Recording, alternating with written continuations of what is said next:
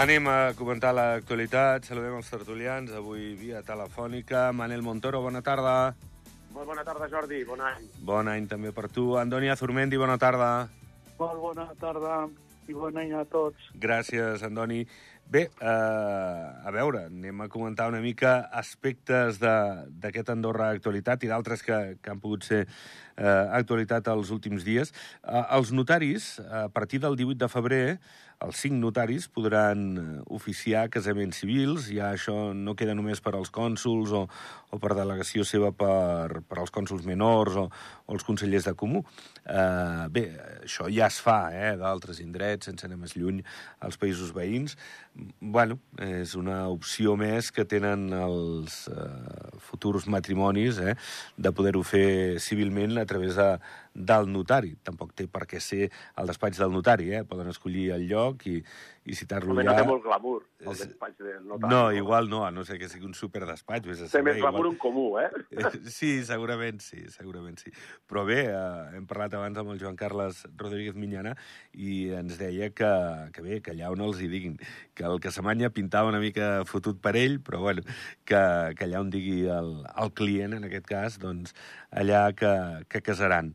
Bueno, eh, és posar-nos una mica en, en el que és a, a d'altres llocs i, i, i vés a saber, vull dir que eh, amb el futur, a lo millor hasta divorcis de mutu acord també ho poden fer oficial, no? Però de moment ara estem en això, que ja serà a partir del 18 de febrer. Manel, què, què, què, què et sembla? Home, doncs no ho sé, em sembla, em sembla bé. Vols que et digui? Sí, no, és una... Al final és una alternativa més, és donar a escollir més a qui es vol Això, casar, que ho pugui això. fer o per l'església o no només al comú, sinó també a través d'un notari, no? No, i tenint en compte que avui dia eh, jo crec que el casament pel civil sempre ha anat cada any augmentant, és a dir, que molta gent decideix no casar-se per l'església, o avui dia que tenim aquest moviment, diguéssim, de parelles, en el qual tu, tu et cases per l'església, però si no et separes oficialment no et pots tornar a casar, i molta gent eh, tria aquesta facilitat més, diguéssim, burocràtica, que és eh, casar-se pel civil, i, per tant, hi ha menys complicacions. Jo crec que és adaptar-nos també als nous temps, no? Avui dia és això, no? Vull dir, cada cop menys joves volen passar per l'església, es casen pel civil... És... Avui dia casar-se jo crec que ja no és el mateix que s'entenia eh, al casar-se fa 40 anys o 50 anys, Uh -huh. en aquest sentit. Ja no és fins que et moris, no? És, bueno, ja ho veurem. Sí, per no? tant, Això pot anar evolucionant. Uh, L'Andoni igual és més tradicional en això. Andoni, tu què hi dius? No, tot el que sigui d'opcions eh, en llibertat i sense sense tercers és, és, és el que té que marcar la nostra vida. No? Totes les opcions i oportunitats que es donin de que puguis triar què és el que s'adapta més al teu, a, a, aquest cas, a la parella, però que és, una opció. A més, és normalitzar una mica el que passa a tot arreu, també. Tot el que vagi per aquest camí penso que és solidar-nos i ubicar-nos dintre del món en, en total normalitat, no? I els notaris, bueno, sempre han estat una mica eh, són els que donen les coses i és, i és oportú, no? -huh. Per això dic que bueno, és, una, és una fórmula que crec que, però, sobretot perquè és una opció més, Uh -huh. una opció més per actuar en llibertat i poder triar eh? i normalitzar. Jo penso que tot penso que és una bona, una bona opció i tot el que sigui per aquest camí, endavant. Doncs Sí. sí. Encara ens queden moltes cosetes d'aquestes per arribar... Jo, jo, jo Andoni, és el que anava a dir, és a dir, que està molt bé que facilitin uh, això, um, però ens podríem posar, com tu dius, no? hi ha altres cosetes i potser cosotes que hauríem també d'arreglar, no? com és l'avortament. Eh, per tant, que està molt bé que tinguem aquestes facilitats ara, però que si ens anem actualitzant, actualitzem-nos eh, del tot. Mm, Fem-ho bé. I ens adaptem al, al nou context eh, i al nou món, i avui dia és evident que les famílies monoparentals eh, són un percentatge molt elevat de lo que són avui dia eh, en respecte a les famílies tradicionals, és a dir, els meus pares porten tota la vida casats, 40, 50, 60 anys, però avui dia tu les parelles, fins i tot les parelles de la meva edat, eh, jo també sóc un exemple, eh, avui dia no, no seguim o no tenim aquesta filosofia, és a dir, no estem amb una parella 40 anys. Sí. No, no, eh, els canvis, la societat i, i les relacions, eh, bueno, ja no són les que eren eh, fa 40 o 50 anys, evidentment. Tot això ha anat evolucionant.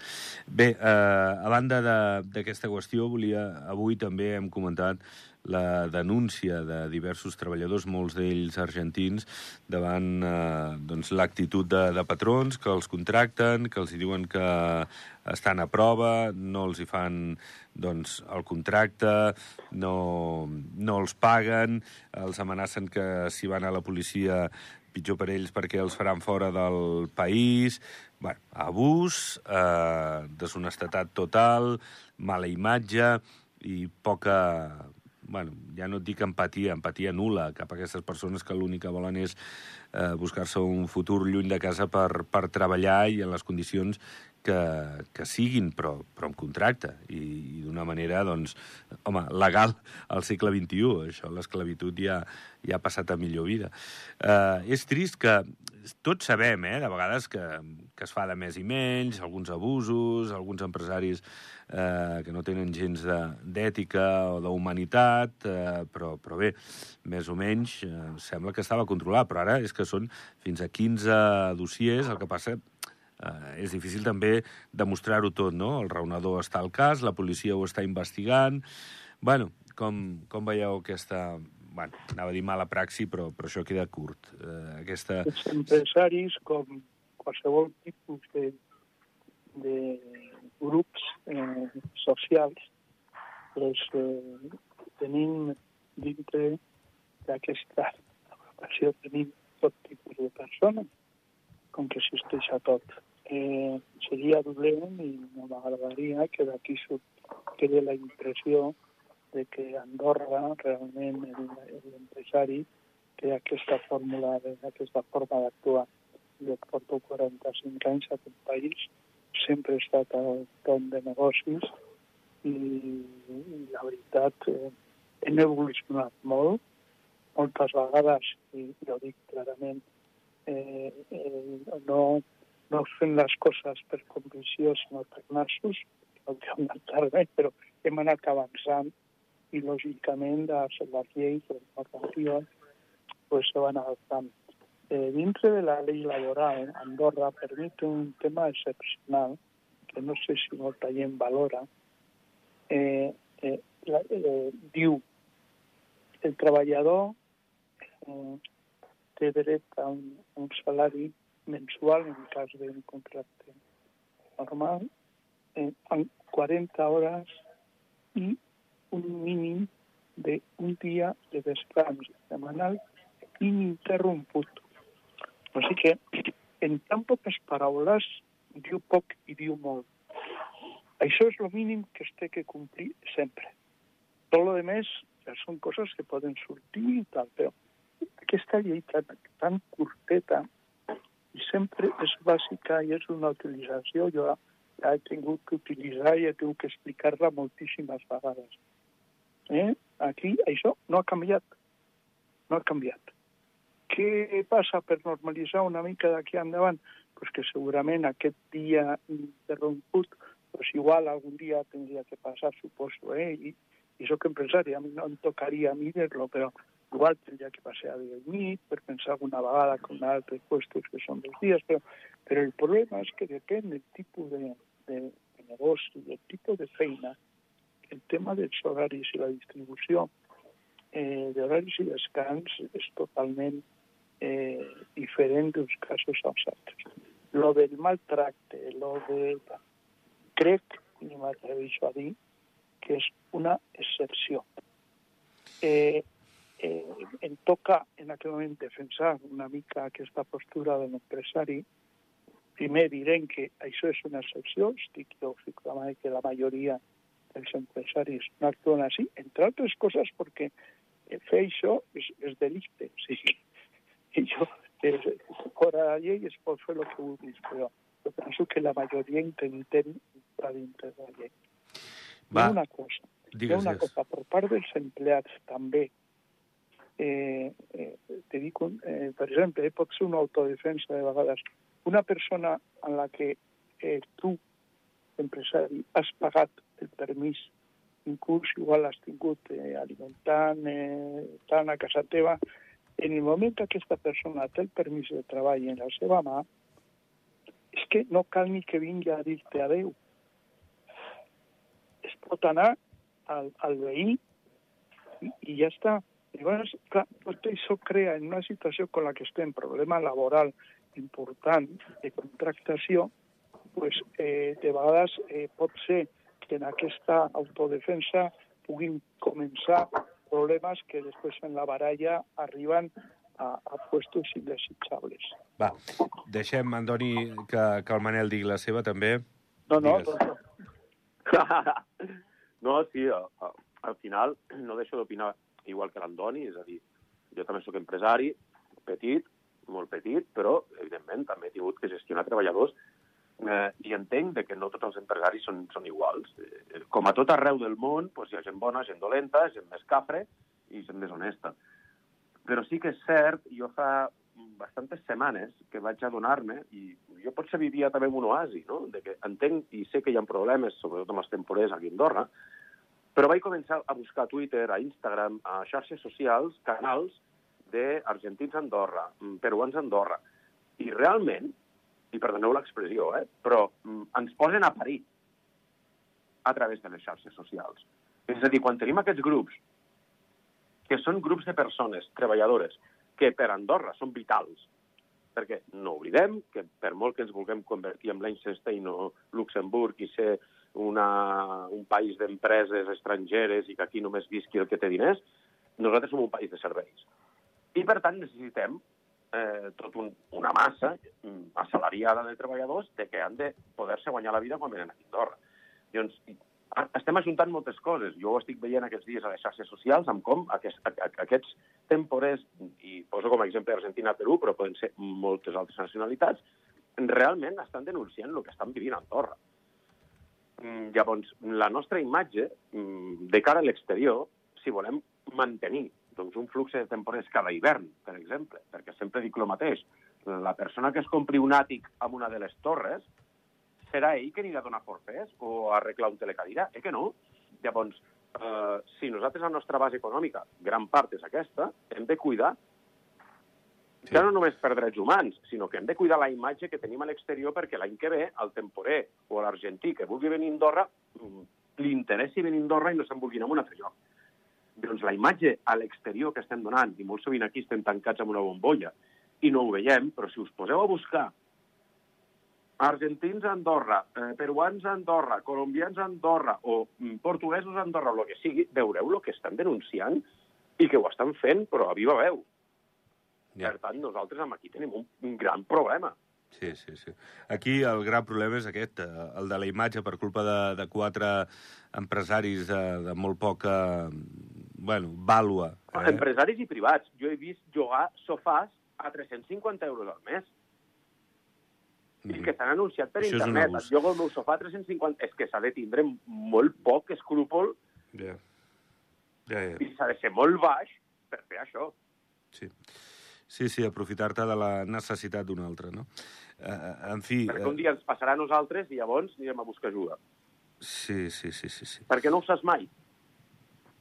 No, no, És, és, és una un qüestió tema d'humanitat, de drets humans i de molt- respecte. A molt part d'això, eh? Molt lleig, molt lleig. No hem d'oblidar, com diu el Manel, de que, que som un país de servei. Aquí a Andorra, eh, de moment, i per molts anys encara, ja m'agrada, ja, ja eh, estem parlant de que noves tecnologies, no? però al final jo entenc eh, de les paraules del cap de govern de l'altre dia que han dit no, no, hem de canvi, no és necessari canviar totalment el sistema. Jo entenc, jo entenc que realment durant molts anys hem tingut un sistema de vida que és el que està implantat i que, a més, si lo fem bé, realment és perdurable, i que això no tindria que es puguin fer altres coses, però nosaltres som venedors de servei i ens hem especialitzat en això. Eh, tenim unes infraestructures que no té cap altra destinació. Què passa? Que el tema de personal, que n'hi ha problema tot arreu, justament aquí s'accentua. Què passa? Que degut a totes les crisis, que el que estem passant nosaltres, apel·len pas a tot, eh, els marges, per desgràcia, s'han reduït molt. I llavors, bueno, a partir d'aquest mes sembla ser, a veure si surt ja, la normativa, hi haurà uns augments obligatoris, diguéssim, que estan plantats en funció d'un esglaonat, tal, davant, eh? què, què farem? Pues acceptar-lo i tal. Eh, podrem repercutir-lo en els preus? Sí, per desgràcia no, perquè el preu està ficat. Però bueno, no entrar en el tema. Jo crec que és necessari, però sobretot, amb una fórmula molt senzilla, el que sí sé que qualsevol treballador té el dret mínim d'això que he dit abans i, a més a més, de que se l'actualitzi mínimament el salari en funció de l'índex de l'IPC anual. Estarem o no d'acord en la xifra que es dona, si és bona o no és bona, però aquesta que, és, que, que, que funciona és la que eh, mínimament, mínimament s'ha d'utilitzar sempre perquè el treballador pugui mantenir el salari, perquè si no està guanyant menys, en el moment que no es toca guanyar menys. I seria bo aquest mateix índex pugui servir també, en aquest cas, eh, demanaria que no com mínim, sinó com màxim, en el tema dels lloguers. Mm -hmm. Per parlar de lloguers, parlo de lloguers d'habitatge i lloguers de negoci. Mm -hmm.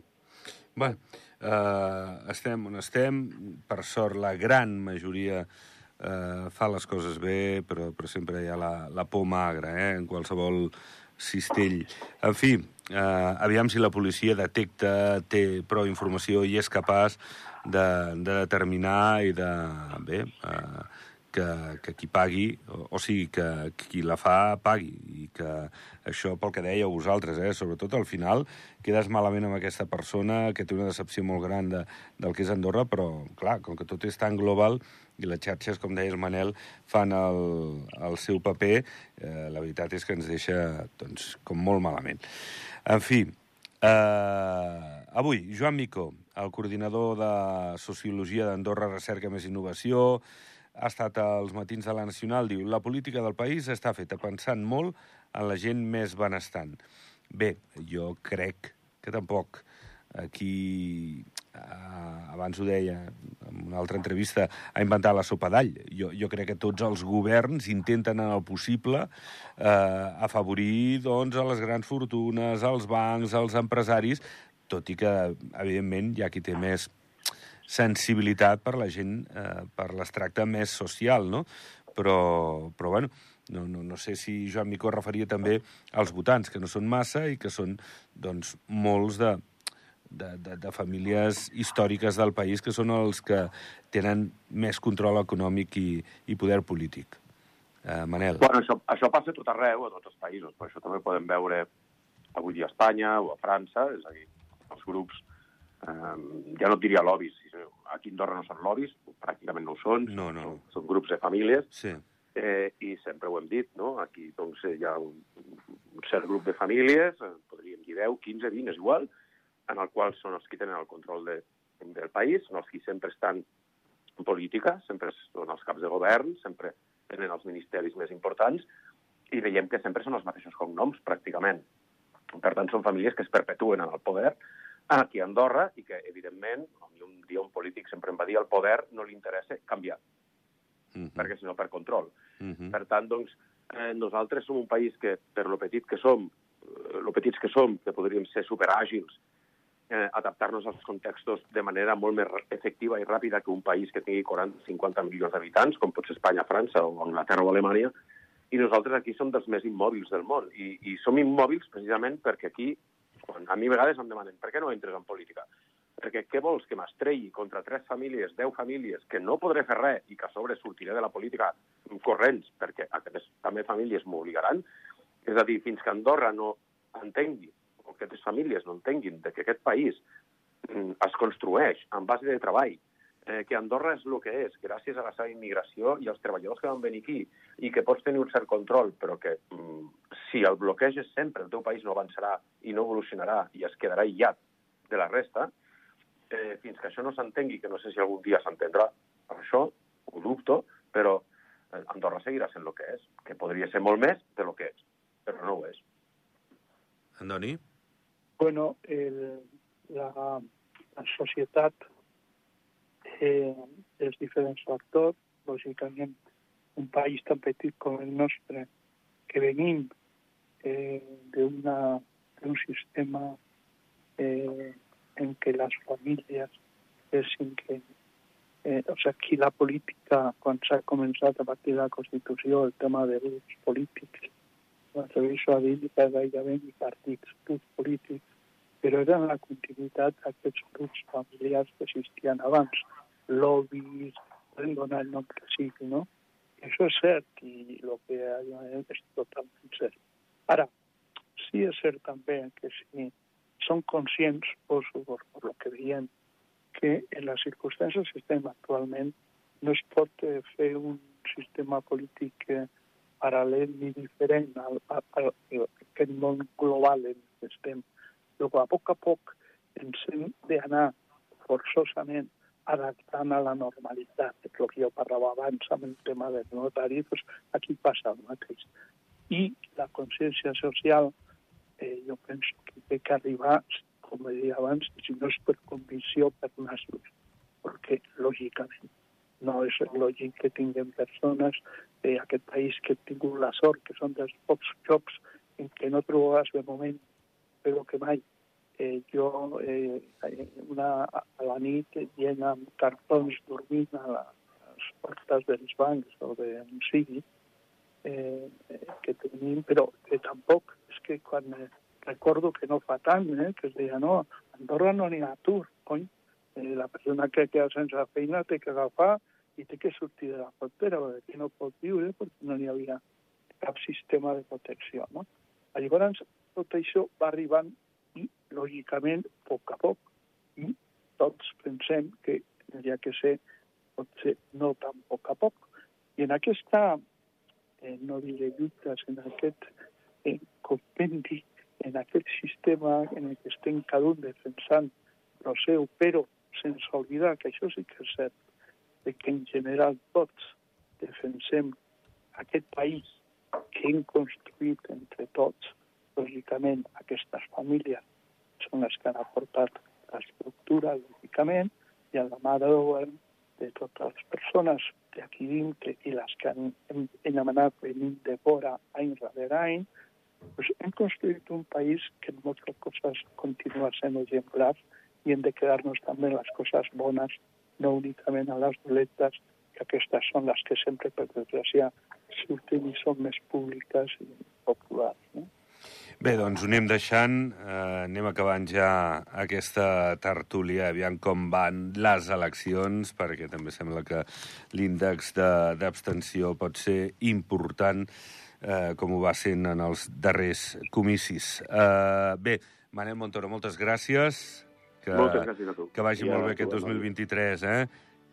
Bueno, a mi aquest 2023 em fot més poc una pedregada, eh? Perquè em porten tres de nefastos i no crec que aquest sigui millor. Va, va, va, confiem-hi, confiem-hi. I gràcies, Manel, eh? Una gràcies abraçada. I gràcies també, Andoni, el mateix, que tinguis un molt bon any. Igualment, eh, que tinguem de moment neu per fer sí. eh, tindre un bon hivern que de moment es presenta molt bo, sí. l'única incògnita és aquesta, i aquesta incertesa mundial que tenim entre guerres i punyetes, que no es deixen veure les coses amb transparència. Doncs va, aviam si, bon any si es van resolent. Bon any, Andoni, també tu. Gràcies, companys. Doncs bé, gairebé dos quarts de tres, al Zona Esports, a la sintonia de la ràdio pública, per agafar el relleu de l'Andorra Actualitat. Bona tarda.